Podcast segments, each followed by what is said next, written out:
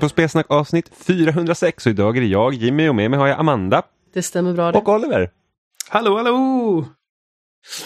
Hej, tillbaka igen. Jajamän. Redo. Yes! Jag blev, blev för mycket på jobbet senast.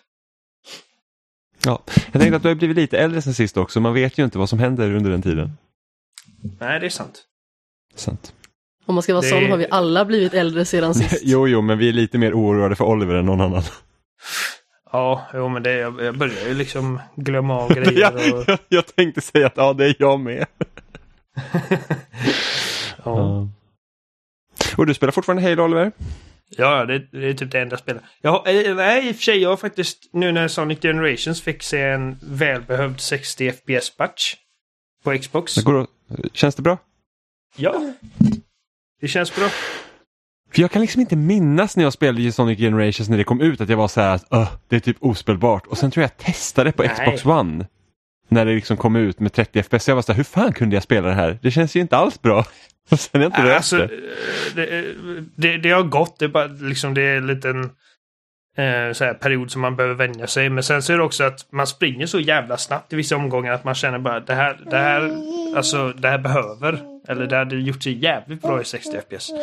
Mm. Och, och det, det känns bra. Eh, Så då, har du klarat ut det?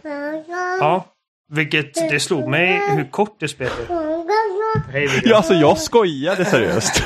jag sa att har du klarat ut? För jag tänkte att ja, men du har bara typ testat känt på det lite. Ja, nej, nej, men det är alltså det, det är nio banor. Ja. Eh, och ett par Ja, bossar. Bossarna är pissenkla. Nu är det i också. alla, alla banor, ja de är inte roliga. Eh, Alla banor är i och för sig, de kommer i två versioner. Liksom Classic och uh, det här Boost. Så, så Moderna. det är 18 banor? Det kan man, ja, jo, ja, jo, det är väl mer rättvist att säga antar jag. Men, men de är över på ett par minuter liksom. Ja. Eh, Fan, jag, fan, jag har varit sugen på att starta Sonic Generations för att jag tror att det är det det är det, nog bästa det, senaste, det är nog det senaste Sonic-spelen jag faktiskt har tyckt om. Jag gillar Sonic Mania väldigt mycket. Men eh, där är det alltså det enda liksom, ska man säga, eh, påkostade. Eller riktigt påkostade, liksom högbudget Sonic-spelet som jag Alltså, gillar. jag, vet, jag, vet, jag vet inte om Sonic Generations var ett högbudgetspel när det kom. Jag tror också det bara var liksom så här ett... Jag, jag skulle inte vara förvånad om Sonic Mania kostade mer att, att göra. Ja, så kan på det. Jag vet inte. Jag bara vet att det liksom var ett betydligt mindre team. Eh, Men, Ja, men okej, men alltså okej, 3D Sonic då antar jag. Ja, ja, precis. Jag var så besviken på Sonic Forces för att det skulle liksom vara typ uppföljaren. Jag vet, och det är, Och det är, jag, jag tycker verkligen att det är bajs det spelet. det är sög. Jag, jag fick det på testat? PS Plus. Jag testade ju det typ två banor och jag bara, det här är fan Ja, jag recenserade. Det var det första spelet med X-Patch på One X som jag spelade. Och det...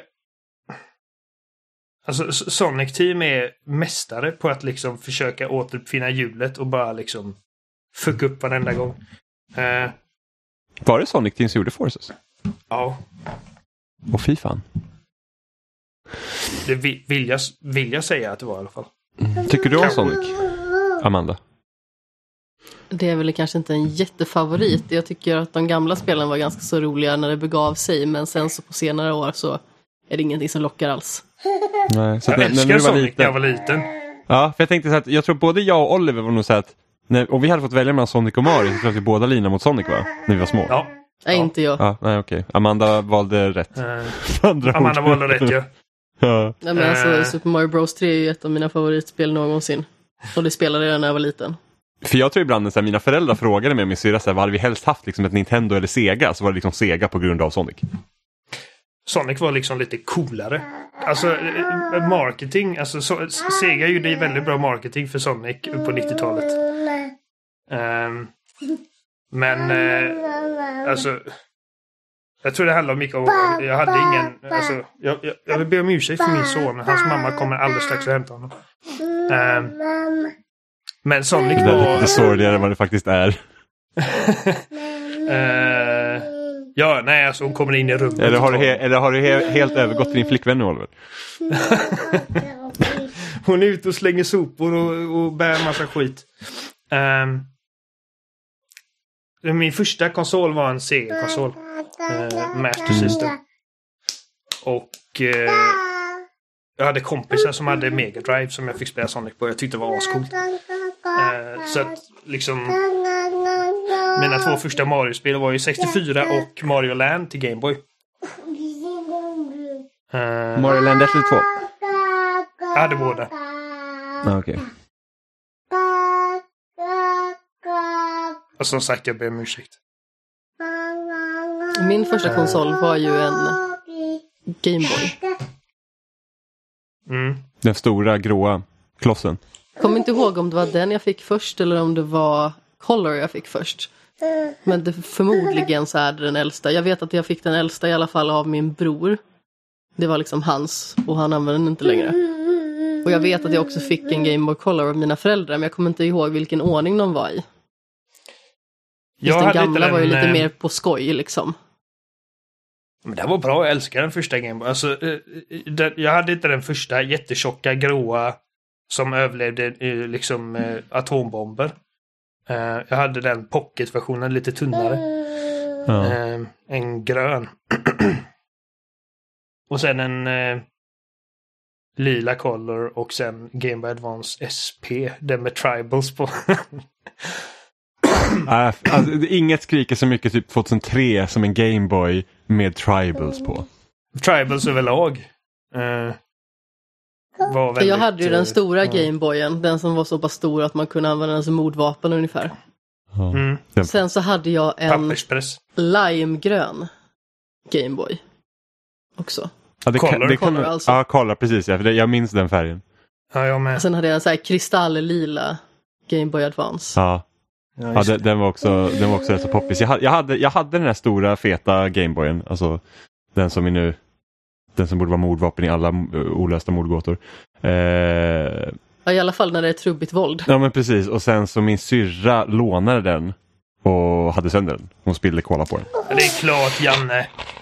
Vad fan.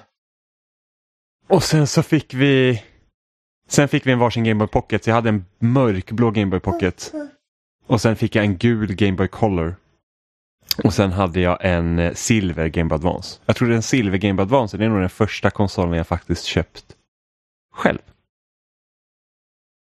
Jag tror det kostade 800 spänn då eller någonting sånt. Det var ganska billigt. Egentligen. Ja i och för sig. Det tidigt 2000-tal kanske inte var jättebilligt men, men 800 Du- spänn liksom, en, en ny konsol är inte så farligt. tror, jag tror Wii var den första jag köpte själv. DSen var den första jag arbetade ihop. Jag Alltså, tror Wii var den första jag köpte helt själv också, men då var jag ju vuxen. Det var ju när Game gick i graven och de hade utförsäljning. Jag tror jag köpte en Wii plus några spel för typ en 500 Oj, ja, det var inte dåligt. Men har du, den, har du den första Wii, den med typ GameCube-stöd? Eller vad här var en- det är inte Nej, den fick min kompis. När jag skaffade en Wii U. Ja, okej, okej. Som jag köpte av en kompis. Wii är den första konsolen jag köpt själv. Eh, när den var ny. Alltså på launch. Mm, samma. Och jag kommer jag var, så- ja, jag är säkert det också massa gånger, men jag var så pepp på Wii. Alltså, alltså det var liksom. Jag kommer ihåg typ när så här, leksakskatalogen kom hem och man stirrade i den och såg typ så här, ett helt uppslag med bara så här, och det var liksom, alltså, man gick ju igång på vad som helst. Så här, man såg en bild på handkontrollen och bara så här, oh my god. Typ så här tillbehör, så här, den här jävla typ Wii-ljuspistolen liksom. Det var så, oh. Ratten. Ja, den kom ju med Mario Kart sen. Den fick man med Mario Kart dessutom. Har en sån. Jag med, aldrig använt den. Inte jag heller. Det är liksom så här, bara, varför skulle jag vilja styra med motion control så jag kan använda en sticka som är med precis? Varför inte testa? Klart man har testat. Nej, jag testar inte. Eh, Ja, ja, det här är ingenting för mig. eh, jag kommer ihåg hur upprymd man blev när, eh, när snubben som hade GameStop-affären i på Kompassen i Göteborg. Det hette Kompassen. Jag vet inte om det gör det fortfarande. Ehm, men det är precis mot där vid Brunnsparken. VNK. Eh. Precis, ja. Finns det NK i Göteborg? Ja. Ja, Jag, trodde det bara var en sån här Stockholmsaffär alltså. Eh, och han ringde sen en vecka innan lunch och sa att ja, vi, vi, du har beställt en vi. Han sa alltid vi. Um, du har beställt en vi hos oss och vi, vi kan meddela att du är en av de som kommer få hämta den på releasedagen. Jag bara yes! Ja, det var ju sånt jäkla rabalder med de där konsolerna alltså. Ja. Alltså, man tänker nu liksom att det är svårt att få tag i en PS5. Men alltså, det kändes nästan som att Wii var ännu svårare. Mm. För att det är liksom... Nu är ju typ allt brist egentligen. Men eh, Men jag vet inte kösystem, jag vet inte om man liksom var lika bra på kösystemen då som man är idag. För att jag, jag beställde från spelbutiken och det var innan spelbutiken hade blivit uppköpta av uh, något danskt företag. Och det var ju liksom flera som hade liksom bokat typ på minuten den liksom gick att boka. Och jag hade typ bokat kanske en eller två dagar efter och fick liksom min konsol före andra. Så jag kommer ihåg det var en på Nintendo-forumet som skrev till mig och bara så här. Han bara, ah, alltså jag kommer inte få min Wii på, på launch och jag bokade typ så här tre minuter över det klockslaget som gick och bokade och jag kommer inte få min och jag såg så här på tråden här att du kunde boka att du bokade den eh, efteråt. Skulle du liksom kunna ge ditt ordernummer något så här till, webb, eller till spelbutiken så här när jag eh, kontaktar dem liksom och ska visa typ att det är fel? Och jag var så här, jag ignorerar den här personen för jag var rädd att jag skulle bli utan. Så att ja, det, det, var, det var mycket sånt. Sen, sen har det inte varit det problemet egentligen efteråt utan det är ju med PS5 och så, så eh, då var det ju mer liksom kö helt och hållet. Kommer jag skrev på, skrev på en amatörssida om spel runt 2006 och det fanns så här typ eh, man kunde gå till eh, Nordstan så här, i, i november, in, månaden innan det släpptes och testa så här Wii Sports och Twilight Princess. Jag, fick, jag gjorde min första lilla artikel där. Eh, och de här kontrollerna de kändes så eh, spännande och fräscha. Jag bara, oh, Metroid Prime på de här. Man kommer kunna sitta hur bra som helst och... Ja. Metroid Prime funkar faktiskt jävligt bra. Ja, Red Steel ja. Alltså, Inte lika bra. En, alltså, enda anledningen till att någon bryr sig om det spelet var ju bara för att säga att oh, man ska använda Wiimoten som ett svärd. Ja, och launch-titel också. Liksom... Ja. Tvåan ska, har jag hört ska vara rätt bra faktiskt. Eh, för att de, de skiftade över till, så här, eh, till cell shading grafik typ. Och gjorde det mer stylized och de hade Wii Motion Plus stöd. Um, det är, det är i princip, alltså det, jag känner inte många som äger det spelet men liksom bara sett till Alltså jag har egentligen bara hört bra grejer om det. Mm. Alltså jag undrar om inte det kan typ vara en sån här grej att säga att ja men det finns en liten skara av hardcore fans till första Red Steel som bara önskar att det här spelet vore bra. Och sen ja, så, är det lite, så, så, så, gör man det lite bättre än vad det egentligen är. Jag säger inte att spelet är dåligt men, men ibland är det liksom så här, Ibland önskar man sig att någonting är, är, bra så att det blir lite bättre än vad det egentligen är. Ja, men jag tror, jag tror att eh, liksom, det jag hörde Som typ mest var liksom att folk som inte gillade första spelet eh, tyckte att ja, men det här jag vet inte, om det är någon som lyssnar och eh, hade Red Steel 2. Jag kollar på Metacritic, 80 procent. Ja, ja. Det är, inte, det är typ som alla andra spel. Bra analys ju. ja, men det är typ åtta. Jag tycker åtta är så vanligt att spel får idag så att det liksom säger inte så mycket. Ja, men, men det, då, kan man säga, då kan man ju säga så här då. Red Steel 2 var i alla fall inte en påse med bajs. Med andra ord. Nej, ska se hur Red Steel hade för... Men jag känner det lite samma sak som där. 63 typ... hade Red Steel 1. Ja. För jag känner lite samma sak med här No More Heroes. Alltså det är så här att att den serien har tre spel, det är, lite så här, det, det, det är lite uh, förvånande. Uh, vilka serier sa du, ursäkta? No More Heroes. Jaha, uh, jag, jag har inte spelat något av dem, men det är så här väldigt uh, så här kultserie. Ah, speciellt första. Liksom... Och, det blir, och det blir en så här stor snackis också med tanke på att det censurerades i Europa. Mm. Att det var ju väldigt så här, alltså väldigt blodigt egentligen. Och det var liksom en, en, stor del av hela stilen liksom var det att det typ bara spruta blod. Och sen så byttes det ut till svarta pixlar i Europa. För äh, tyskarna klarar inte av det. Tyskar alltså. Ja. Först nazismen och sen detta. ja, precis för det är samma sak. ja, men eh, mer Halo Infinite har du i alla fall spelat Oliver? Ja, massor. Jag, och, det är ju, och nu har ju liksom spelet, nu har ju spelet varit ute i två veckor i alla fall, eller ja, betan då som egentligen inte är en beta. Eh, är det bara två innan veckor? kampanjen kommer. Ja, måndag, måndag två veckor. Eller kanske tre veckor till och med. Jag tror det är tre veckor. faktiskt. När hade Halo sitt 20-årsjubileum? Var inte typ 20 november? Elfte va? Däromkring. Går det elfte redan? Ja, det kanske det var. Ja, då är det nog tre eh, veckor. Ja, jag tror det är tre veckor. För jag, jag vill minnas ja. att jag har gått igenom tre bat, äh, så här, weekly challenges nu. Ja, okej. Ja, men då är det tre veckor. Ja, hur känner du nu över spelet? Jag, kollat, jag kollade min service record igår. Jag hade runt 460 spelade matcher. Uh, och jag är level 51 på Battle Passet så jag är halvvägs igenom. Ja. Uh, Jag vill bara säga att det släpptes den 15 november enligt Wikipedia. 15, Ah, okej. ja okej. Ja. ja, men så lite över två veckor då. Nej, fan, det är 5 december idag. Jag tänkte det var typ, ja men tre, Imorgon tre veckor. tre. Tre veckor. Så.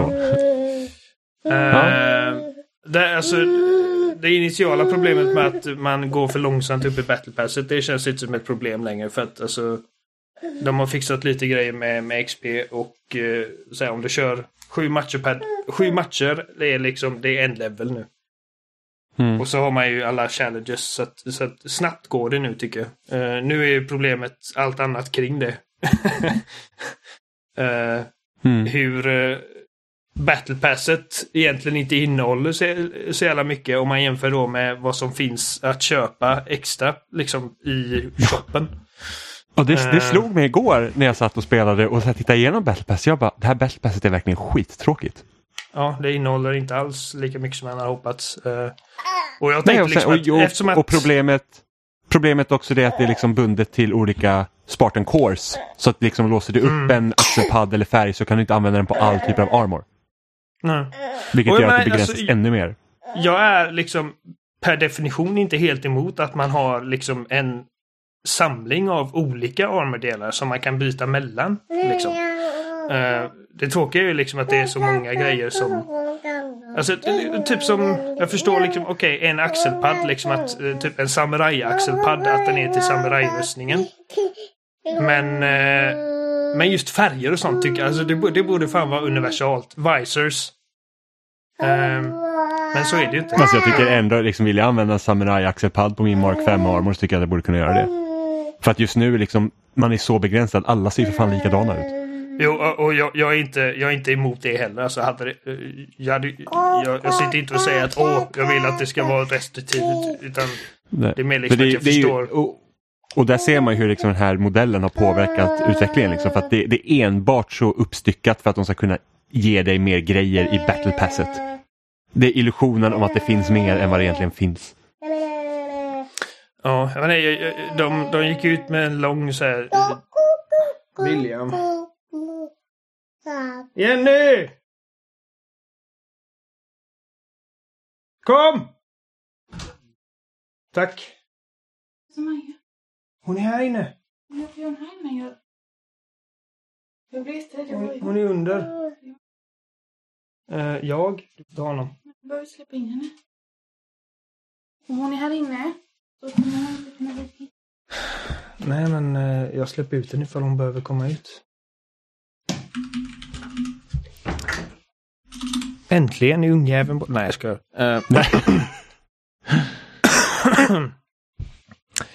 uh, ja, de, de la ut på Reddit. Uh, jag vet inte, jag länkade inte det. Har du, har du kollat igenom? Jag tror jag kollar igenom någonting. Det är typ Men det åtta kan inte komma upp sidor. någonting. Ja. Eh, en, Jaha, nej, jag fick någon sån här skum länk så det såg ut som det bara var typ en bild och sen så kunde jag inte läsa mer. Ja, men det, det är åtta screenshots. Mm. Som man får bläddra igenom i princip. Ja, och det, det är Ja, men- Sketch som har skrivit den. Jag vet inte vad hans officiella titel är, men han, han är liksom en community-snubbe. Liksom. Han är ett ansikte utåt för 3 for 3. Eh, och uh, jag tror att mycket av den posten är liksom baserad på frustration över att folk är väldigt... Och jag menar alltså, de, de, kritik är alltid bra. Och uh, det poängterar han också, men det är liksom just när det blir så här toxic som det lätt blir. Liksom hot och trakasserier. Ehm, men han, eh, han gick faktiskt in på det där. Och jag menar, nu får man ju ta detta med en nypa salt. Eftersom att han faktiskt är anställd av 3 for Free. Men han sa det liksom eh, rätt ut om den här idén om att saker och ting är uppbyggda för att vi ska liksom dryga ut eller typ eh, uppmuntra folk till att köpa challenge swaps. Det är liksom aldrig något som någonsin har dykt upp. Och han sa att jag förstår att typ ingen kommer tro mig när jag säger det. Eh, men det är liksom, det är helt sant. Uh, han pratar också om varför Slayer uh, inte är en egen playlist. Och det är som, som jag Vi pratade om det här en dag Jimmy, att jag sa liksom att den enda anledningen jag kan tänka mig är liksom för att de inte vill att Objective Playlist ska liksom dö ut. För att historiskt sett, precis som han säger, att historiskt sett så när det finns Slayer så spelar ingen något, någonting annat i princip. Och eh, de spellistorna blir liksom unhealthy. Um, Fast det har ändå funkat att spela på dem. Alltså jo. det funkar, man kan köra typ Team Objective i Halo 5, man kan köra Team Objective i Halo Master Chief Collection. Och speciellt när spelet är nytt. Och det är vissa grejer i den här posten som, som är liksom man kliar sig lite i huvudet för han säger typ att det var ingen här som sa att det var en Alltså I don't believe anyone at 343 thought not having Slayer was a good idea. Jag bara, men varför? Om ingen Mm. på 3, eh, 343 sa att, tycker att det var en bra idé, varför, varför är det så liksom? Alltså, eh, handlar det om inkompetens då? Det vill jag inte säga för att jag tror inte det är det. Alltså, jag, liksom, 343, liksom, de är inte dumma i huvudet. Ehm, jag vet att de jobbar på fler playlists så de snackar om att lägga till en social slayer. Och jag är liksom...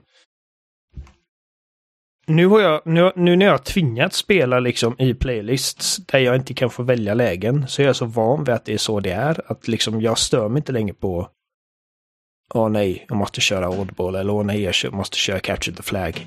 Um, så att jag tror att en, en kompromiss som jag hade kunnat leva med är liksom ifall att om man vill köra bara Slayer så blir det liksom en mer quick play playlist eller en social playlist och att ranked fortfarande är i alla lägen. Det kan jag leva med. Um, Ändå känner jag att det är rank där det är nästan viktigast man kan välja läge medan social där kan det vara lite vad som helst. Eftersom det är så att om jag vill se hur bra jag är på Slayer och vill ranka upp i Slayer och inte liksom tyngas ner av att jag spelar själv och det kommer capture flag och mitt team inte kan samarbeta ja, ja, alltså det finns inga perfekta lösningar på detta. Nej, det för det känner jag väl det största problemet just nu är ju det liksom att det finns inga playlists för att det gör att, att Alltså om, om liksom det inte kommer upp nya playlists då, då kommer jag liksom ledsna för att jag Jag tycker inte att det är kul liksom att jag inte kan välja ungefär vad jag vill spela. Nej. Uh, jag vet, alltså, jag känner, alltså generellt så kör inte jag ranked ifall jag, inte, ifall jag spelar ensam. Eh, för att när jag kör ranked så vill jag, jag vill kunna kommunicera med folk. Eh, Det är mycket lättare att köra ranked utan dig Oliver för att du är högre level än vad jag är. Så det är, Jag jag, jag, typ breezar med. Jag säger bara fan det här är, inte, det här är inga problem. vilken rank är du nu? Platinum 3. Ja, jag är Diamond 4. Ja, ja, jag har Eh. inte spelat så mycket ranked utan för att jag har försökt klara de här challengerna och det tar mig till, alltså det var ju så himla irriterande. Jag har kört, ja, jag är inne på femte kvällen nu när jag spelat liksom eh, och försökt få Slayer och, jag, och fram till igår kväll så hade jag fått spela en Slayer-match på fyra kvällar. Det, alltså, det är så det blir när, när det är helt random. För att, eh, Ja. jag menar, när jag körde igår så eh, fyra slayers fick jag på en sittning. Och eh, jag körde... Men nu körde jag liksom en hel del matcher igår kväll. Men vi körde fyra slayers. Tre capture the flags tror jag. Ehm, en oddball och fyra strongholds. Ehm, Men, eh, men, och, och där kommer vi återigen till problemet då med att, med att liksom progressionen är knuten mestadels till challenges gör ju det att behöver du spela specifika matcher och du får, eller specifika lägen och du får inte de lägena så börjar folk quitta. Jag har varit med om jättemycket quitters nu. Liksom det är så att ah, men vi ska ha 17 vinster nu och man märker liksom att ah, det börjar inte gå liksom åt vårt håll, då kvittar de. Och då, blir, då är det ju de som är kvar, de är ju körda då för då blir det helt plötsligt, då har du bottar du ska spela med och de är inte lika bra som mänskliga spelare. Och sen Nej. det att folk spelar Folk spelar annorlunda för att de vet att de måste spela på ett visst sätt för att kunna klara sina challenges snarare än att vinna matchen. Vilket Mm. jag tycker jag är skittråkigt. Eh, Precis, och, och det, det är det jag sa sist vi pratade om det också på podden att eh, jag känner att eh, utmaningarna Spelet skulle må bättre av att utmaningarna är mer liksom eh, agnostiska. Liksom att, att du inte har typ av få fem headshots med en Ravager eller, vad- eller vad det nu kan vara. Eh, utan att uppmuntra folk att spela spelet som blir tänkt att spelas genom challenges. Eh, jag menar, vinna matcher är en sån grej. Uh, kappa flaggor Eh, vad det nu kan vara. Och de har liksom, de har de har, de har sagt det och jag märkte också att de har liksom uh, fått bort några av de riktigt usla RNG challenges som fanns Mm. första veckan. Eh, och de har gjort liksom tunings och grejer. Och en grej som jag har stört mig som fan på är det här med player collision, liksom att man typ eh, går rakt igenom fiender. Och att melee liksom var, bara blev helt trasigt till följd av det. Eh, collision finns nu, tycker jag det känns som i alla fall. Ehm, så att alltså de lyssnar ju och jag är helt övertygad om att de kommer att jobba. Och de, och de har sagt det själva flera gånger att jag vet att för att nu har de gjort så liksom att eh, de första typ sju matcherna eller de första sex matcherna så får du mer XP varje dag. Mm. Eh, och det speedar ju upp. Men de, de, när de utannonserade det så sa de också att vi vet att folk eh, egentligen vill ha större förändringar till själva liksom, alltså hur allting är byggt. Och det kommer ta tid. Så att alltså, och det förstår jag. Så att jag känner mig ändå ganska trygg i att liksom de frustrationer jag har den här veckan kommer inte nödvändigtvis vara en, en faktor senare. Och jag vet att för vissa kanske inte det hjälper. För att eh, det är just nu de spelar Halo. Om tre månader kanske de inte spelar Halo. Jag tror inte att det, det är inget problem som jag ser mig själv ha för att jag spelar Halo jämt. Det har jag gjort i alla år. Eh, Mm. Så att jag är liksom, alltså jag är gift med det här spelet. Det här är liksom ett långtidsförhållande vi har. Eh, och vi jobbar på våra problem. Mm. Ja, jag tycker bara så att allt som har med free to, free to play-delen att göra tycker jag är bajs. Eh, Ja, och, och, och, och, alltså, jag, och, jag tror, och, jag, och jag lovar, hade det här spelet inte varit free to play så tror inte jag att de här delarna inte hade funnits i här heller. nej, nej. För att, nej alltså det, för det, att Halo 5 hade ju kortgrejerna som var direkt tagna ur då den tidens liksom mest populära saker. Eh, Mm. och det tog man betalt för. Utan jag, det, jag tror det systemet jag gillar mest det är nog det Halo Reach. När man fick liksom, man tjäna valuta och sen fick du köpa de delarna du ville. Och så fick du liksom, ja du fick ju spara då om det var något som var extra dyrt. Och Mm. du ville ha någonting. Då fick du spara din pengar. Men det, så gör man inte ett spel som ska hålla länge. För att folk köper det de vill ha och sen så gör de inget mer med det för då har de det de vill ha redan. Eh, så att eh, det är lite synd. Även om saker och ting kostade väldigt mycket i Halo Reach också. Väldigt absurda priser emellanåt. Men eh, jag gillar nog det bäst. Ja, men det, alltså, jag tror att till en början så var jag liksom, jag köpte det Battle Passet liksom direkt innan jag ens hade gjort någonting annat i spelet. För att jag visste att okej, det, är så, det är så progression funkar nu. Det är det de har pratat om, är liksom Battle Passet. Mm. Ehm, och eh, men de har pratat lite om andra sätt. Jag vet att man låser upp en del armors och, och coatings och grejer även när man spelar kampanjen. Ehm, men, eh, men Battle Passet är ju liksom det de har pratat om mest. eh, till en början. Och jag kände liksom att okej, det är free to play. Uh, det gjorde mig lite nojig till en början, men jag såg också potentialen i vad det kan göra för spelarbasen givetvis. Um, och uh, ju bättre spelarbasen mår, desto bättre mår spelet som jag älskar.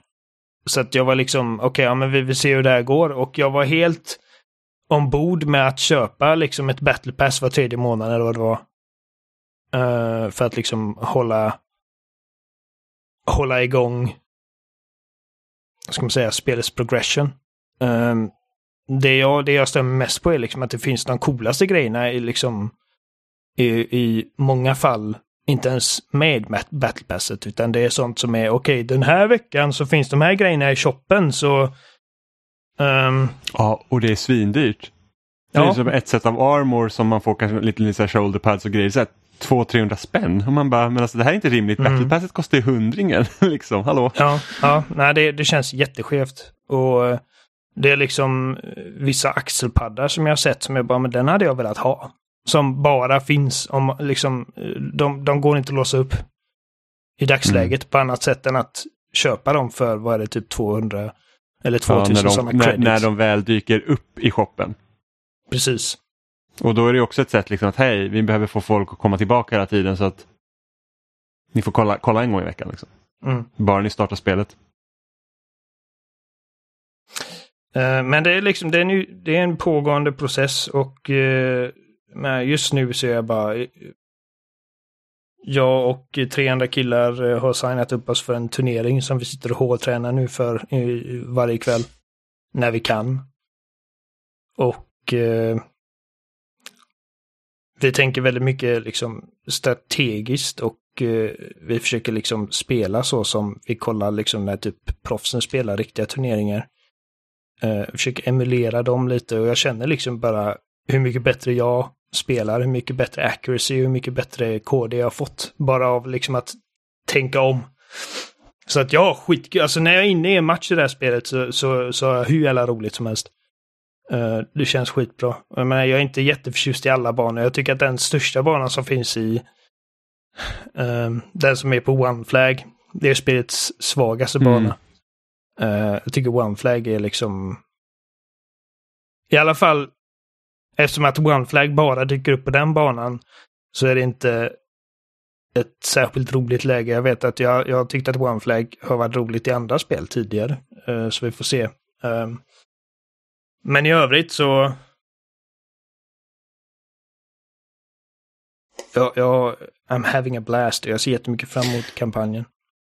Ja, jag, alltså jag tror att det jag mest ser fram emot i kampanjen det är att få testa alla vapen liksom i, i en AI-miljö. Liksom hur de funkar i hela sandlådan, liksom i kampanjen. För att jag tycker att alla vapen har inte riktigt hittat sin rätt i multiplayer. Men jag kan se att de kan användas jävligt roligt på, i kampanjen. Jag tror att Pulse Rifle kan vara en grym grunt killer alltså. Eh, Ja, men precis, eller Ravagern om man vill liksom ta ett stort, eh, liksom, mm. eh, bara Commandern är ju kass oavsett. Det enda jag känner med kampanjen är liksom det här med equipment. Att jag vet inte liksom när jag någonsin ska byta ut enterhaken. För att en- enterhaken i multiplayer liksom att du har typ tre laddningar av den. Använder den tre gånger så är den slut och så måste du hitta en ny equipment medan den, den är liksom oändlig i kampanjen. Så varför skulle jag Mm. någonsin byta ut den? Även om jag tycker att typ Repulsion är alltså en helt fantastisk equipment. Jag tycker den är, alltså jag älskar den. Man, man kan, jag har gjort så här, jag, jag har lyckats dirigera om folks granater, alltså så här sticky grenades rätt tillbaka i ansiktet på dem. Samma med raketer. Och att få bort någon som springer mot dig med, med svärdet och bara repulsa dem åt helvete och liksom få de här extra sekunderna du behöver för att headshotta dem. Uh, använda den som ett, som en typ av dubbelhopp.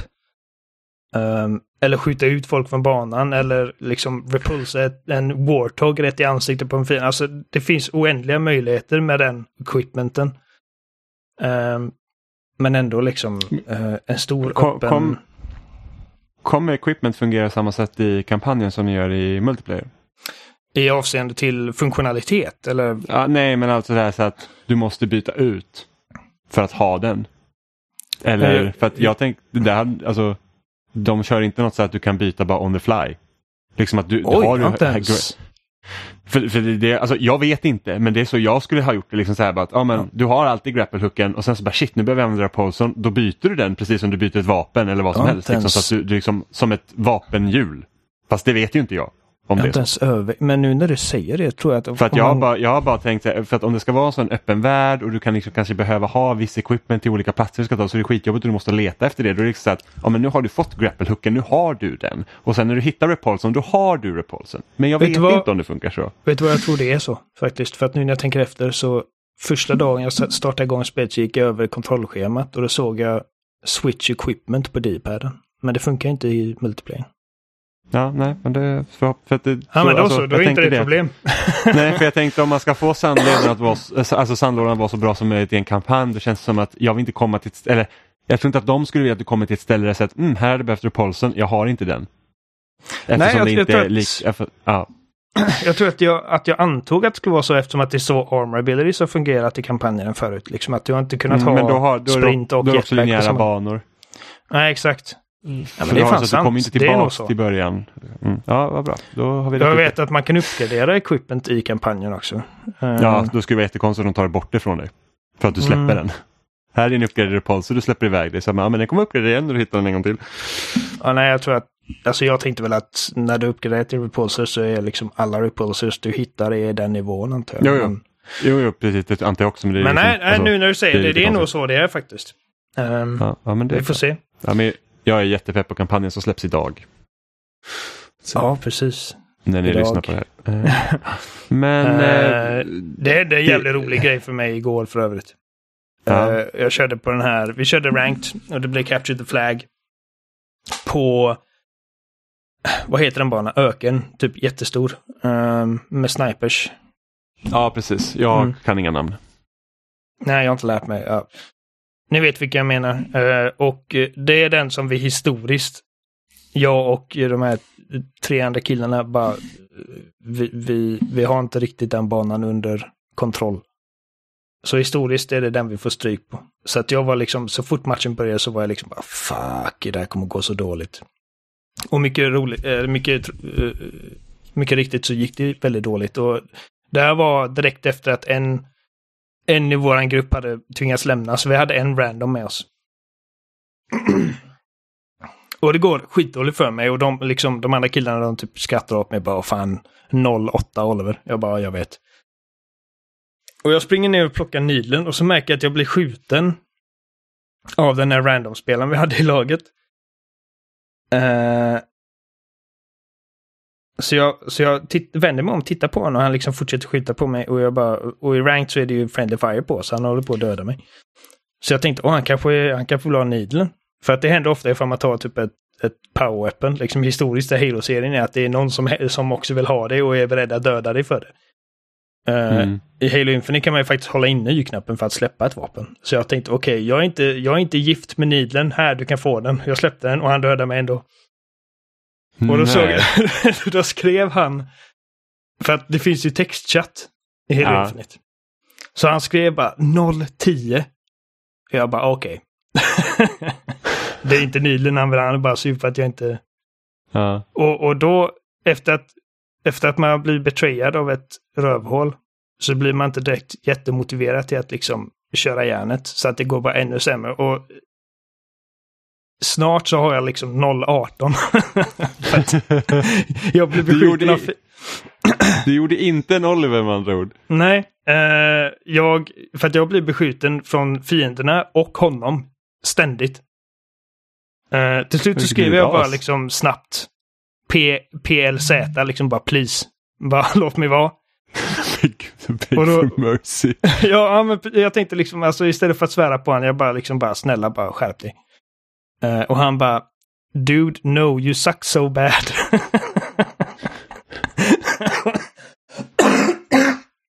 och nu börjar jag liksom garva för jag bara, fan vad roligt. Uh, och jag sa, och då, och då, vid det här laget så slutade jag i princip spela spelet. Jag bara liksom, eh, jag gick runt och följde efter honom och bara och bara drygade mig. Så jag sa liksom, jag suger inte vanligtvis, bara give me a break. Uh, och till slut så råkar jag få en kill, liksom, av ett mirakel. Och direkt så ser jag i chatten, Oh my god, you got one kill! Nej. och jag märker att han, alltså jag står liksom och, och vi kör Catch the Flag som sagt och, och jag lyckas vid ett tillfälle döda runnen och hans eskort. Och jag står där och försöker få tillbaka flaggan och han skjuter ändå på mig. Så han Nej. dödar mig medan jag försöker få tillbaka vår flagga. Eh, och det var så jävla. Alltså till slut så, jag kommer inte ihåg exakt allting vi skrev, men alltså det var, till slut så lyckades jag faktiskt få fler kills än honom och två returns.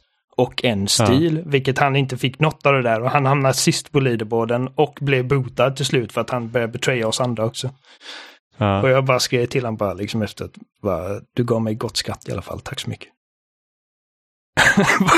Bara, men dude, det- no det- you suck so bad. Men det måste jag ändå, så då har han liksom, då har han liksom klankat ner på dig att du är dålig och sen är han ändå sämst. ja, Fast i och för sig, han kanske slutar försöka också när han gick runt och dödade andra. det. Men ändå. att, alltså, han, jag såg, efter de första fem minuterna i matchen så såg han inte göra något annat än att följa efter mig och skjuta mig.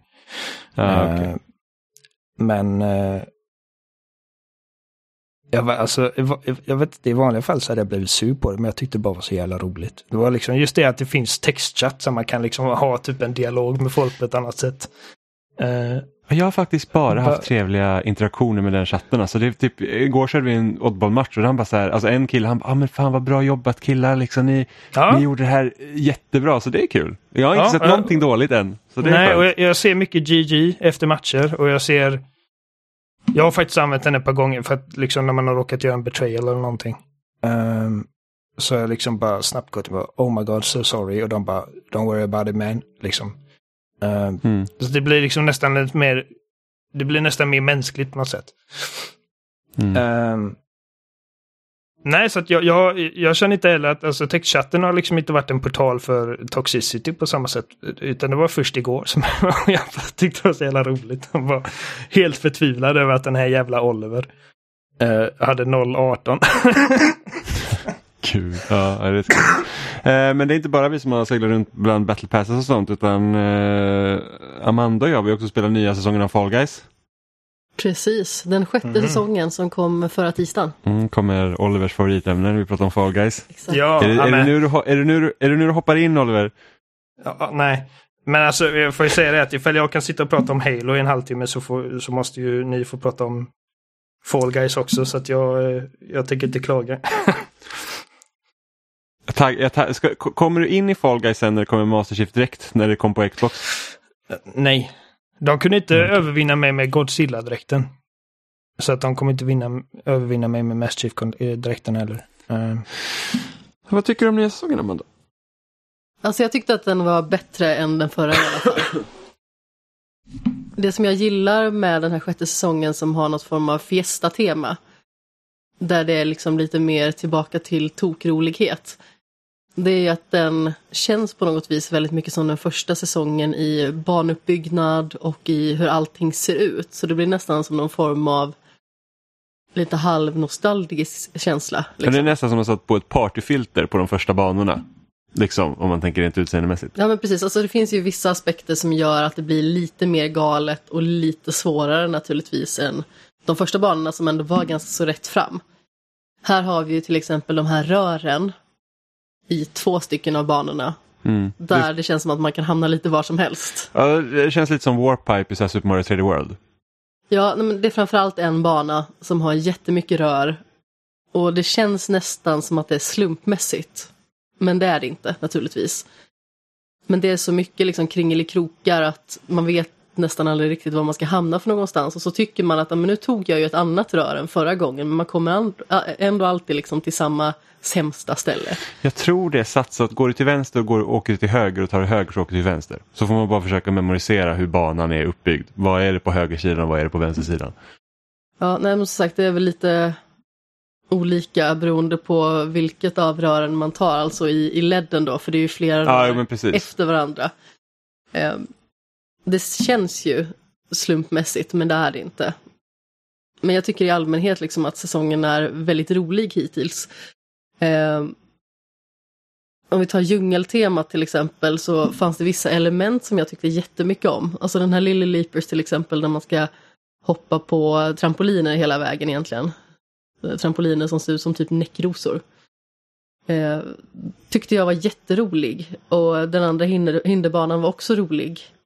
Även att den har ju liksom inte ett skit på många av andra hinderbanor som har kommit tidigare i de andra säsongerna. Mm. Men sen så hade vi de här noshörningsjäklarna och den var ganska så tråkig egentligen. För den blir ju väldigt mycket som också den här snöbollsbanan som var i tredje säsongen. Där man bara står och väntar på att bli attackerad eller träffad och åka ut. Mm. Ehm, och sen så har vi också i förra säsongen det här när man skulle göra någon sån fake hoopsie, alltså att man ska spräcka bubblor. Den var inte heller speciellt rolig. Ja, fy fan den var hemsk. Pingvinen var ändå okej. Det är mest för att det är liksom en bana som inte är så jättesvår att ta sig vidare på. Men i övrigt så tyckte jag att förra säsongen var nog inte någonting som var så himla spännande i allmänhet. Den hade vissa roliga element men den var helt klart sämst av de säsongerna. Eh, Och samma sak med den här futuristiska säsongen. Jag tyckte också att den blev lite för mycket. Den var lite för galen. Eh, Det var lite svårt att se vissa grejer. Det var lite för mycket element. Det kändes som att den här säsongen tog det tillbaka lite eh, och gjorde det lite mer så här blockigt och leksaksaktigt och tokroligt. Så som första säsongen var. Där det liksom känns som ett gigantiskt hoppland på något vis. Ja, sen testar de lite olika saker. Alltså det har, tidigare har det varit så att det funnits varianter av lägen som varit- liksom har sett förut. Att man ska hålla saker eller att man ska ja, men, som sagt, akta sig. Och nu har de ändå två nya grenar som vi inte har sett förut. Och det ena är att du ska liksom toppskiktet på banan, det är nästan som en så här och vad ska man säga, det är nästan som en så här hopppark i princip. Och, och då ska du hålla dig liksom inom det övre området då, för då samlar du på dig procent. Och Ja, sen när du kommer till 100 procent då går du vidare. Och då, Banan heter airtime, precis. Och så då, det är precis vad det låter som. Du ska Ja. hålla dig i luften så länge som möjligt inom den eh, glittrande zonen. Ja men precis och, och då är det liksom fläktar och sånt och, och liksom hinder som gör liksom man, man trillar ner och trillar man ner då så får man ju liksom, då åker man ner ett rör och sen får man hopp, spana om och så hoppas man att man kommer in igen. Så det, det är ju faktiskt eh, rätt så kul och sen så har man en annan eh, gren där det finns liksom ett, då ska säga, en spotlight som åker runt på banan och du ska stå i ljuset för att men samla på precis. procent för att komma vidare. Då stöter du på olika hinder som snarare än att du ska ta dig över dem hela tiden liksom, så är de i vägen för din framfart. Så det är liksom en cirkulär bana där hindren i vissa fall rör på sig och vissa är interaktiva. Eh, där liksom kan man ganska så lätt också skrynkla sig vidare. Jag hade inga jätteproblem med den någon av gångerna jag spelade den banan. Egentligen. Alltså visst, alla banor går man ju inte vidare på alla gånger naturligtvis. Men eh, samtidigt så, eh, jag tyckte ändå att det kändes ganska så roligt. Mm. Ja men jag, jag håller med, jag tycker också att den är rätt så roligt. Sen hade jag ju, jag vet inte, jag hade önskat att det fanns en ny finalbana också känner jag väl. Ja, det som jag tycker är lite kinkigt just i eh, nuläget är att man väldigt ofta får förra säsongens finalbana. Och den banan hade varit jätterolig om det bara var en vanlig hinderbana. Det är alltså den här eh, labyrinten. Eh, labyrinten, ja precis. Jag höll på att säga pyramiden. Det är inte samma sak. Eh, labyrintbanan som finalbana fungerar inte just Alltså, som det, utan det hade fungerat väldigt mycket bättre om det var en hinderbana där man skulle ta sig hela vägen fram bara. För att det är ju mer frustrerande när man liksom väljer fel väg eller liksom att, att man kan vara i täten och sen så råkar man komma till en dörr som inte öppnar sig och sen hamnar du helt plötsligt långt bak igen. Bara för att då måste du springa tillbaka och så har någon annan gissat rätt. Så att det, det, det känns liksom som att den finalen är ännu mer slumpmässig än någon annan. Men det känns väldigt mycket som att man inte direkt har någon kontroll över om man liksom ska vinna eller förlora. Mm. Visst, det har man ju naturligtvis, det har man ju i alla lägen. Men det känns som att den här finalbanan är den som är mest slumpmässig. Man kan ha så himla mycket otur hela tiden. Mm. Bara man råkar välja fel. Mm. Och vad jag vet så finns det liksom inget mönster att följa, så som i DoorDash till exempel. Att man kan se någonting på dörren som gör att, ja ah, men dit ska vi in. Mm. Men alltså, alla banorna i den här säsongen tycker jag är roliga. Jag har testat att blanda in lite av de gamla banorna också, men jag tycker ändå att de här fem banorna är det va? Det stämmer. De är eh, väldigt solida och det är ingen som jag tycker illa om. För oftast är det ju liksom någon som man tycker illa om. Det finns ju inget nytt lagspel den här gången heller. Nej. Eh, och på sätt och vis lite synd, för man hade ju velat se att de skulle kunna göra något extra roligt med det. För det finns ju inte så himla många lagbanor som är liksom toppen. Så man hade velat liksom se dem försöka överträffa sig själva i det. Jag tycker ju fortfarande att eh, Hoopsie Daisy är den bästa. Mm. Och sen fotbollen är ju rätt så kul också. Ja, Fallball. Ja. Det är faktiskt ett läge som har varit nu några dagar och som avslutas om några timmar. En Golden Goal Challenge. Och då är det ju helt enkelt att man spelar 16 spelare, två lag, åtta spelare i varje. Och då är det helt enkelt sudden death. Så den som gör mål först vinner matchen. Mm. Och då är det liksom två stycken omgångar. Så då är den episoden bara två omgångar. Så de åtta spelarna som kvarstår då efter den matchen, de bildar två lag som är fyra i varje. Och den som vinner den vinner hela episoden. Mm. Så jag hade tänkt bara för att kunna skrynkla till med den där sista sorgliga lilla trofén som jag inte har tagit än när man ska vinna fem episoder i rad. Som eh, du och Stefan har vunnit naturligtvis. Eh, Jag tänkte liksom försöka att, eh, att nöta den här fallball challengen då. Så att jag kanske kan få min trofé också. Det har inte hänt än. Jag har varit nära att vinna tre matcher i rad. Men eh, ja, jag kämpar fortfarande Ja, är för mitt liv. Ja, det är svårt. Men tummen upp till Fall Guys i alla fall. Ja men som sagt, det är Fall Guys, det är alltid roligt. Lite synd att det verkar som att de har hämmat progressionen lite granna. Så att det inte Ja. går lika fort att eh, komma upp i level. Vilket ju är lite problematiskt i och med att de höjde ju från 40 nivåer till 50 nivåer. Och där kändes det väldigt väl avvägt. Det kändes som liksom en lagom längd. Mm. Första gången kändes det nästan lite långt. Men sen när man insåg liksom att om man är noggrann med att ta sina olika utmaningar som finns varje dag, då går det hyfsat fort. Mm. Så 50 kändes väldigt lagom. Men nu verkar det som att de har gjort någonting så att det går långsammare. Ja, man, man, det, det krävs mer XP tror jag. För att Ja. gå upp i level. Eh, Jag tror det också. och, och det där, och jag, jag skulle gissa på att det har med att göra med att åh, vi märker att folk de spelar mestadels när det finns saker att göra i Battle Passet. Och sen så när de är klara så kommer de tillbaks för en nästa gång. Och då har de försökt dryga ut det så att det liksom har en mer kontinuerlig ström av spelare hela tiden. Ja, det som jag tycker är lite jobbigt med det, det är ju att jag vill ju plöja Fall Guys under en period. För jag har ju svårt att slita mig från det. Men sen så är det väldigt sällan jag liksom kommer tillbaka till det ofta. När jag Mm. liksom har tagit mig upp till den 50 nivån. Eller 40 ja, det var det. Mm. Nej, det Så då känns det liksom som att ja, men då kommer det bli ett tvång ända tills att nästa då kommer.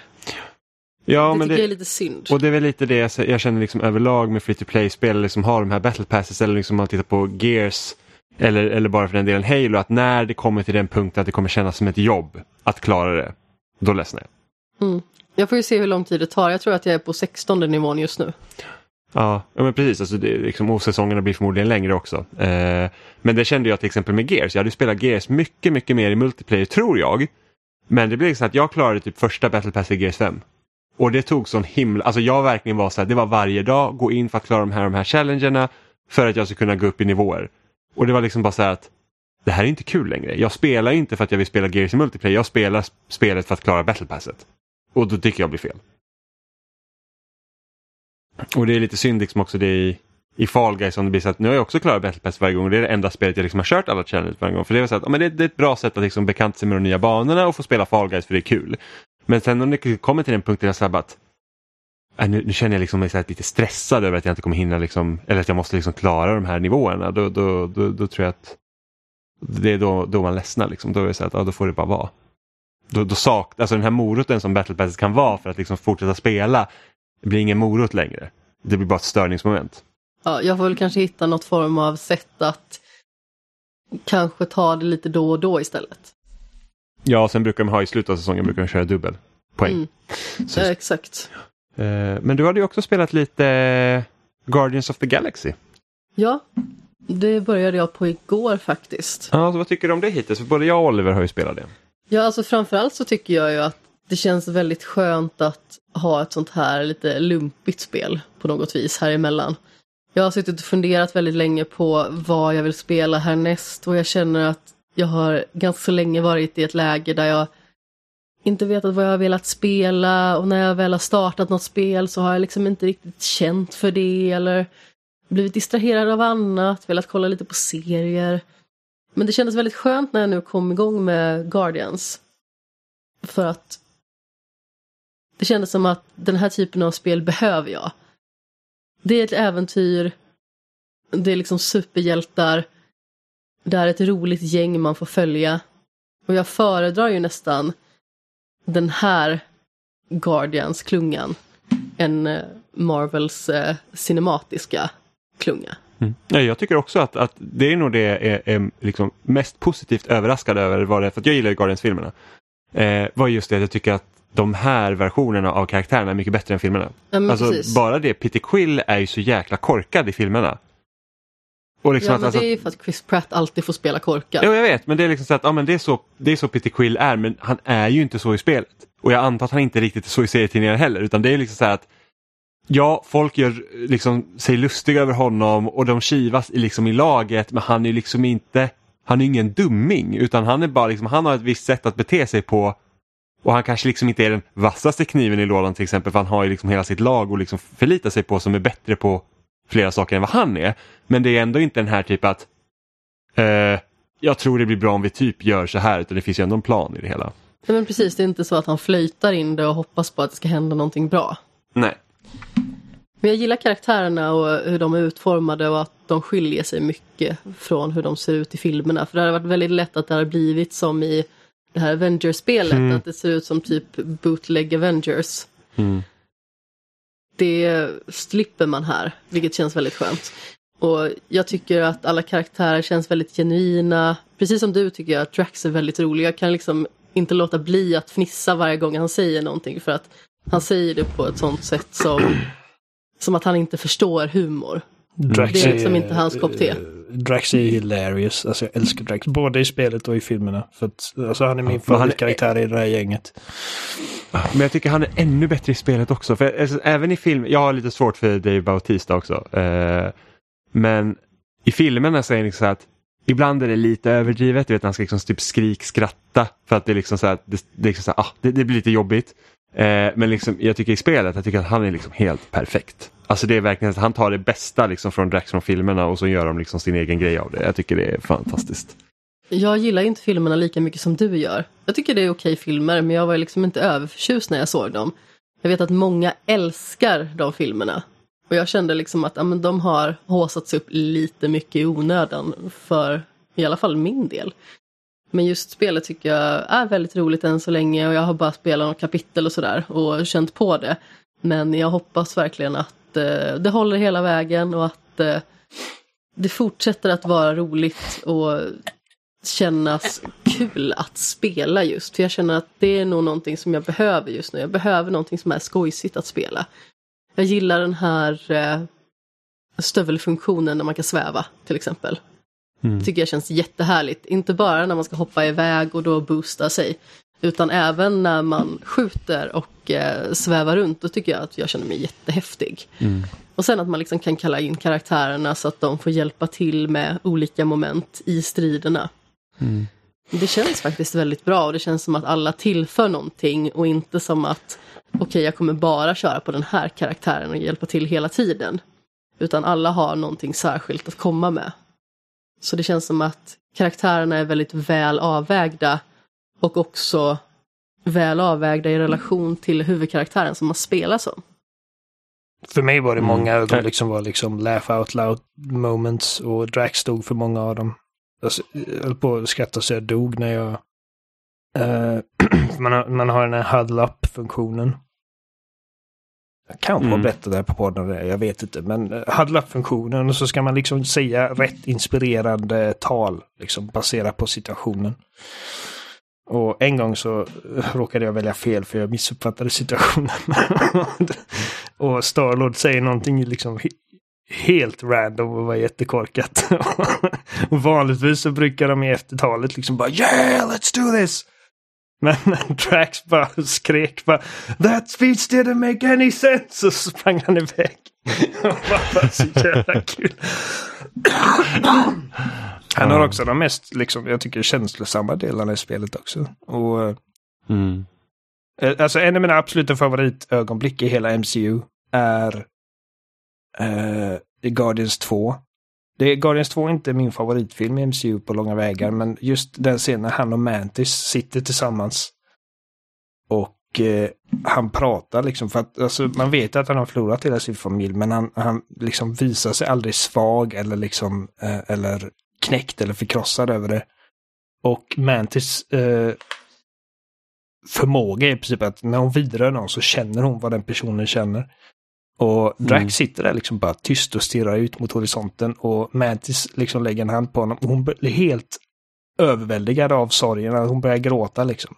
Och Drax sitter bara där. Och, och jag bara kände den scenen slår alltid mig så hårt för att man bara vet den liksom stormen som är inom honom är hela tiden. Eh, ja, nej, jag älskar, jag älskar Drax. Och Mm.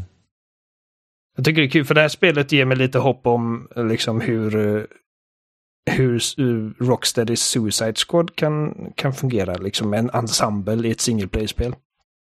Mm. Eh, Ja, för det, det lyckas de väldigt bra med. Just att de har liksom, jag vet att jag kunde störa mig ibland på att karaktärerna aldrig håller tyst. Men liksom, det känns ändå naturligt när de pratar med varandra hela tiden. Det störde inte mig. Det, det, som, det, det, störningsmomentet som eh, kom som resultat av att de aldrig är tyst, det är att jag ofta liksom gick miste om dialogen för att jag råkade liksom komma till en checkpoint eller någonting. Och eh, någonting händer. Ja, det är det värsta.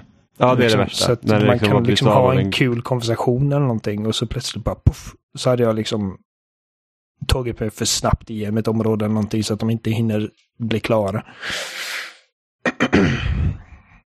uh, nej, men jag tycker eh, Guardians var, alltså det, det är utan tvekan årets största överraskning för mig. För att jag, eh, jag hade inga som helst förväntningar på det spelet. Mm.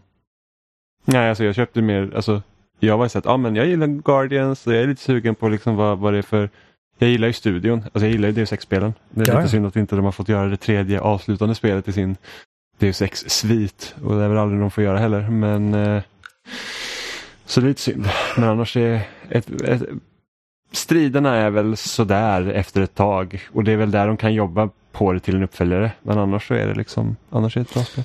Jag gillar striderna. Det, det, det, det påminner mig lite om... Um, vad heter det? Eh, Knights of the Old Republic, liksom att man bara typ mörsar ut sitt partys olika liksom superattacker och att man liksom bara... Det blir som ja, en stor hade- explosion av, eh, av liksom galenskaper och fiender flyger åt alla håll och det är liksom... Mm. Nej men alltså jag, jag gillar ju liksom så att de har, de har ju alla byggstenar där för att det ska vara jättebra strider. Alltså jag tycker det här med att man väljer sina kamraters liksom färdigheter och skickar ut dem liksom som ett bättre Mass Effect. Liksom. Men sen att, att så tycker jag liksom att själva skjutandet och liksom hur, man, hur man rör sig i striderna tycker jag att skulle kunna jobbas på. För att jag tycker inte det, det alltså mot slutet så var det så att okej men nu det, det är liksom ingen skillnad vad jag möter Och här. mot det är liksom slutet samma. så det, det var väldigt Ja. mycket strider liksom. Och Ja, men det är liksom också att det, det liksom händer ingenting i striderna som gör... Men det, är liksom, det händer ingenting i striderna heller så att jag ska göra på ett annat sätt. Det är liksom... Det, det är liksom... Liksom I fem, sex timmar liksom så är jag strider på exakt samma sätt hela tiden. Det är liksom det är ingen skillnad. Beroende, det spelar ingen roll egentligen vilken fiende vi möter. Det är liksom bara så att så här gör jag och så får jag göra liksom to the end of time. Liksom. För mig var det Eh, största att problemet bara att spelet var lite för långt. Jag vet att det finns folk som tycker att man är dum i huvudet för att man klagar på att någonting är för långt. Men det är... och det kan, det kan ju bero på att eh, jag... Eh, men man, har, man, har, man har inte samma tid att spela som man gjorde förut. Så att eh, allting kanske känns längre än det är i vissa fall. Eh, Ja, men det var ändå 15-16 timmar så att det är rätt så långt. Ja, jo, ja, men det känns som att det var det i alla fall. För Men, den äh, typen av spel tycker jag att det är lite långt. Ja, men ge mig liksom, ge mig 10 timmar av det istället för 16. Mm. Jag kommer ihåg när jag pratade om Guardians, alltså om de skulle göra den här typen av spel, de har så här många olika eh, planeter och sånt, så hade jag nästan hoppats att de skulle göra en uppföljare att det är mer för jag känner mig lite begränsad när det är så pass linjärt med liksom låtsas utforskning. Liksom att åh, här har du en liten liksom avstickare du kan bara gå för att ta upp en collectible. Det är liksom så här att ah, det ger mig inte så mycket utan de hade faktiskt kunnat göra ett Mass Effect-liknande spel. Ett sånt upplägg. Eh, där man eh, som är på liksom 18-20 timmar. Där man får resa runt till olika planeter och du kanske har en central hubb du åker till och liksom får ta upp några uppdrag eller något sånt. Det hade liksom, jag tror att de hade kunnat få det att funka. Ja, det hade de nog. Men just den här linjära upplevelsen var precis vad jag behövde just nu också. Så att jag, jag är glad över att de inte hade massa extra skit. Ja, ja. Nej, nej, men det behöver inte vara massa extra skit. För Mass Effect är egentligen också linjärt, om du vill. Och det är ungefär så som jag brukar spela Mass Effect, i alla fall första spelet. Liksom. Att jag gör inte mycket sidouppdrag för de är så tråkiga. Utan man, man, man kan köra, men det är så här att jag kan styra om till liksom, typ ett citadell, eller liksom, du har den här hubben, du kan gå och kanske köpa någonting, liksom, uppgradering till vapen eller någonting sånt, eller vad, man nu behöver. Eh, och sen åka ut på, liksom, till nästa planet och ta sig dit och sen så gör man ett, liksom, ett mer fokuserat uppdrag. Men du har också den här downtimen när du kan liksom, gå och prata med dina karaktärer i skeppet, för de har ju de delarna från Mass Effect där. Ja, och jag känner Så att jag de har precis tillräckligt. Alltså, men, det, det är typ en störning i min hjärna jag har också. För att Mass Effect 1 har så mycket skit-content.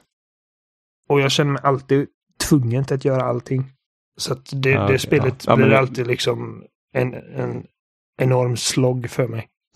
Men då kanske Mass Effect 2 är bättre då, för där har du ju liksom karaktärsspecifika uppdrag det hade man ju verkligen kunnat ha här. Du hade kunnat göra uppdrag åt Drax för att lära känna Drax bättre. Men det behövs inte för att klara storyn, om du inte vill. Ja, men då tar jag hellre att det är inkorporerat i spelet. Ja, ja, men jag tänkte om du inte vill att det ska så långt. Just Ja, det lite valmöjlighet i alla fall. Men jag berätta tror den historien jag- ni vill berätta och ge mig den. Alltså, Ja. Nej, men jag, jag, tror att jag tror att det hade kunnat tjäna på att för då hade det mm, styckats upp där lite linjära för att jag tyckte liksom att, så här, så här, låtsasutforskning i de här banorna var inte jättekul. Liksom. Eh, och så. Men, det, men, men det är ett bra spel. Så att, eh, jag hoppas du ser fram emot att spela mer Amanda. Ja, självklart. Alltså den här knasigheten kändes som någonting som jag behövde i mitt eh, spelliv just nu i alla fall. Mm. Eh, jag har spelat ett, jag har inte bara spelat Halo den här veckan helt enkelt. Jag har spelat ett spel som heter Solar Ash som släpptes för några dagar sedan bara. Eh, och det är från samma utvecklare som eh, gjorde Hyperlight Drifter.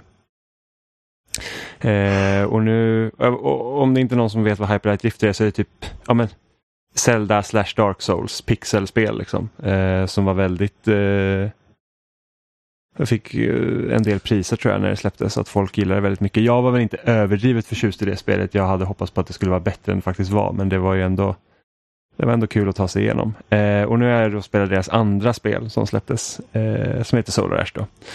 Eh, och, det, och nu är det inte ett 2D liksom top-down-spel utan nu är det ju 3D i en, liksom en stor eh, värld helt enkelt. Eh, och där ser man ju redan liksom att de största influenserna tar de nog från eh, Shadow of the Colossus. Så att man är typ ens hemplanet håller på att slungas in typ i ett svart hål eller, eller något liknande. Liksom så här, typ katastrofevent liksom, som gör att deras värld kommer gå under och då har man liksom hittat en teknik då för att eh, kunna förhindra det. Så man, är liksom en, man spelar som en void walker så man kan liksom röra sig mellan tid och rum tror jag. Jag har inte riktigt eh, förstått exakt hur det fungerar men man liksom inte, det är inte så här att ens planets regering eller de som har makten har liksom bestämt att vi ska göra så här för de kivas och bråkar så de vet inte hur de ska lösa dem. Så här är det liksom en underground eh, liksom, organisation som liksom, vi har hittat en teknik hur vi ska kunna hjälpa oss och det är liksom det, det är dit vi rör oss.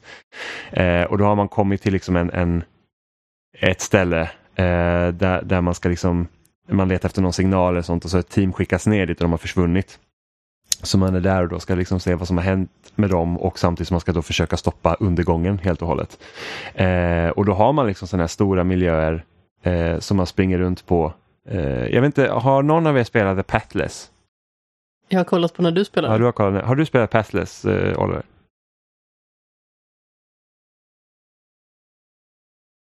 Jag tar det som ett nej.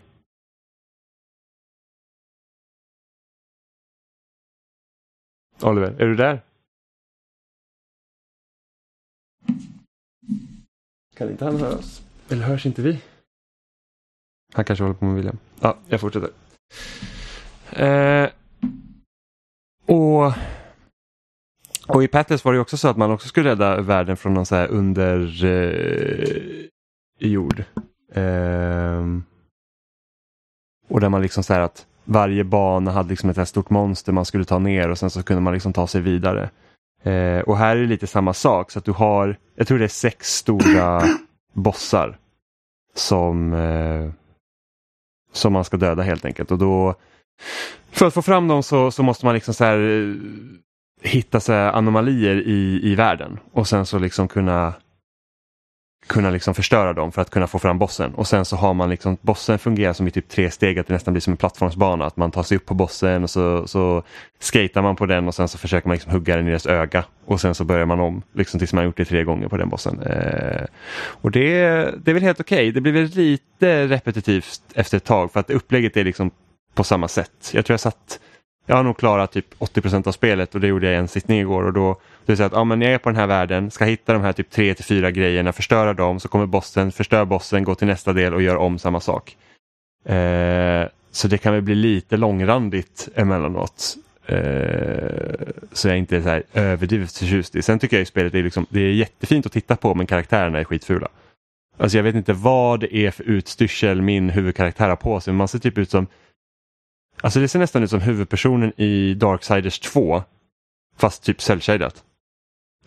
Svart här, någon rök från huvudet som lika bra skulle kunna representera långt hår och sen så har man en jäkla eh, dräkt på sig som ser ut som ett skelett. Jag tycker det är skitfult verkligen och det tycker jag inte alls passar in med resten av spelet. Som en person som liksom sitter och kikar bara i sidled egentligen. Så är det jätteoklart att uppfatta vad det är som händer i det här spelet. Alltså det ser så himla diffust och flummigt ut. Ja, fast det är inte så diffust och flummigt. Alltså det är Nej, verkligen... men alltså om man bara är en bisittare Ja, ja, som inte lyssnar på dialoger vidare mycket och bara kollar på spelet så uppfattar man absolut ingenting av det du berättar om. Nej, alltså det är ju liksom, alltså det är inte så mycket strider och sånt i spelet. Även bossarna man har, de är ju liksom inte, de skadar inte dig på ett sätt utan det är liksom så här att när du väl kommer upp på en boss, och det kan man ju jämföras då med liksom Shadow of the Colossus, när man liksom, där var ju liksom kruxen med de bossarna var ju det att du klättrar upp på bossen, försöker hålla dig kvar och sen så stabbar man den i huvudet liksom så många gånger man bara kan i princip.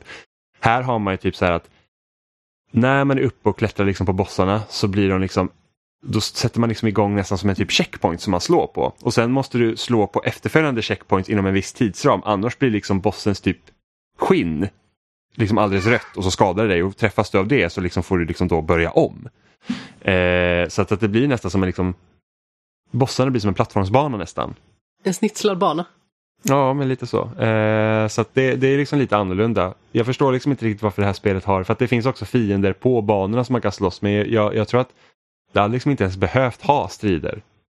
Du hade liksom... Fyller För, de någon funktion nej, inte mer än att de finns där som störningsmoment för att du får ju ingenting av stri, äh, alltså fienderna du slår heller. Och det, de är så få. För att så är det i Shadow of the Colossus. Det finns ju liksom inga fiender i Shadow of the Colossus förutom bossarna, eller kolossarna då. Eh, och det är de som kan liksom skada dig.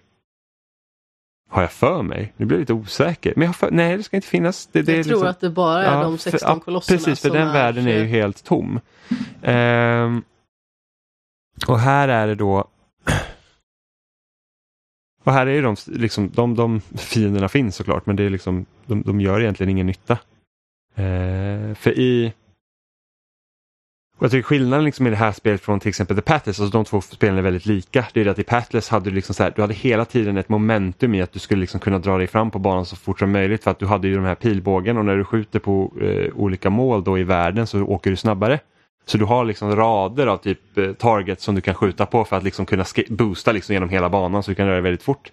Här så har du ju liksom, ja du har som typ skridskor på dig nästan, eller så här, ja, som du åker, liksom håller in LT och sen åker du snabbare och sen så kan du boosta om du vill.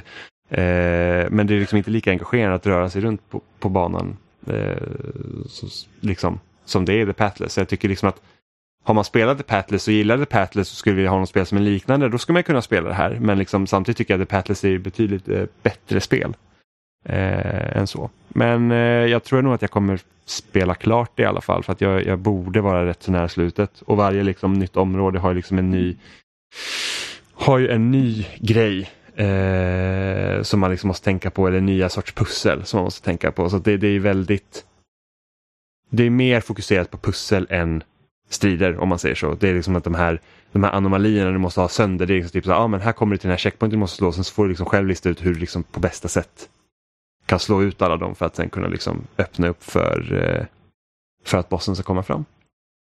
Och sen är det ju musiken, jag vet att Disaster Piece har hjälpt till att gjort musiken och det gör att det, det är nice. För Disaster Piece är bra. Eh, men det är nog allt jag hade att säga om Solash. Jag har liksom inte så mycket att säga om det. Eh, så. Jag tycker att det är okej. Det är liksom inget fantastiskt spel. Eh, och jag, jag tror stor del till att jag faktiskt köpte det var just för att Disaster Piece har varit med och gjort musiken. För jag bara, oh men det kan vara nice. Eh, och jag gillar ju Hyperlight Drifter. Liksom. Jag tyckte det var ett okej spel. Så det var kul liksom att se vad den här studion gör igen. Sen är det lite otur för dem då att The Pathless liksom har släppt typ ett år innan. För att de spelen är så otroligt lika varandra. Eh, ändå. Du borde lyssna på eh, 2001-låten eh, på Iowa-albumet av Slipknot som heter Disaster Piece. Det är bra skit. Nej, det har jag inte gjort Oliver. Ja. Har du lyssnat på fest-soundtracket? Ja, det har jag faktiskt gjort. Ja, då vet du vad jag pratar om. eh, soundtracket till eh, It Follows är också gjort av eh, Disaster Ja. Piece. Jag tror Fess är typ ett av mina favoritsoundtrack någonsin i ett spel. Jag Mm. tycker att det är helt fe- fenomenalt. Ja, men det, det, det, det är vad det är helt enkelt. Ja. Men det var väl allt vi hade för den här veckan. Jag tror inte att vi har något mer. Inga avslutande ord, inga andra tankar som ni har tänkt. Eh, Var, var beredda och spänn fast säkerhetsbältena för uh, Halo kampanjsnack nästa vecka. Ja, det lär det bli. Ja. Eh, och sen vill jag påminna också att den 18 december så kommer vi ha stream igen. Eh, allihopa. 18, Eller 18 allihopa. timmars stream med Halo Infinite. Ja, nej, det kommer inte ske. Vi kommer ha en 10 timmars långstid, så klockan 12 den 18 Med Fall december. Guys bara. Nej, inte det heller. Eh, klockan 12 den 18 december på dagen då, så börjar vi streama och vi kommer streama fram till klockan 10 och då kommer vi liksom streama spel som har släppts i år. Eh, så då har vi valt ut ett litet potpurri av eh, olika titlar som vi tycker att, att ja, men vi vill visa upp någonting om det var något speciellt eller bara spela tillsammans med något som har släppts i år. Så, att, så vi hoppas att det ska finna... Så det blir inget Fall Guys. Nej, det blir inget Fall Guys. Ja. Halo Infinite kommer det i alla fall bli. Kanske Mario Party. Jag kommer sätta upp en egen 12 timmar. Amanda säger att ska jag konkurrera ut min egen stream. Jag ska bara köra Fall Guys. Fuck those så att vi har guys. köpt Nej men så att jag har köpt ett till eh, Capture Card så att jag hoppas att vi ska kunna ha dubbla streams uppe typ. För att jag, jag antar att vi kommer spela lite Halo Infinite multiplayer. Eh, det kanske blir lite Deathloop. Eh, och då kan det vara kul att eh, man ska kunna se båda som spelar. Så att jag hoppas att vi löser det på ett bra sätt. Eh, jag är lite orolig för att den här nya Capture Card jag- har köpt är ett bättre Capture Card. Vilket gör att den kanske inte har delay. Så jag vet inte hur vi ska synka ihop bilderna. Om det är ett problem eller inte. Så vi får se. Eh, men det, det får ni i alla fall vara med och titta på. Det ska bli kul. 18 december klockan 12.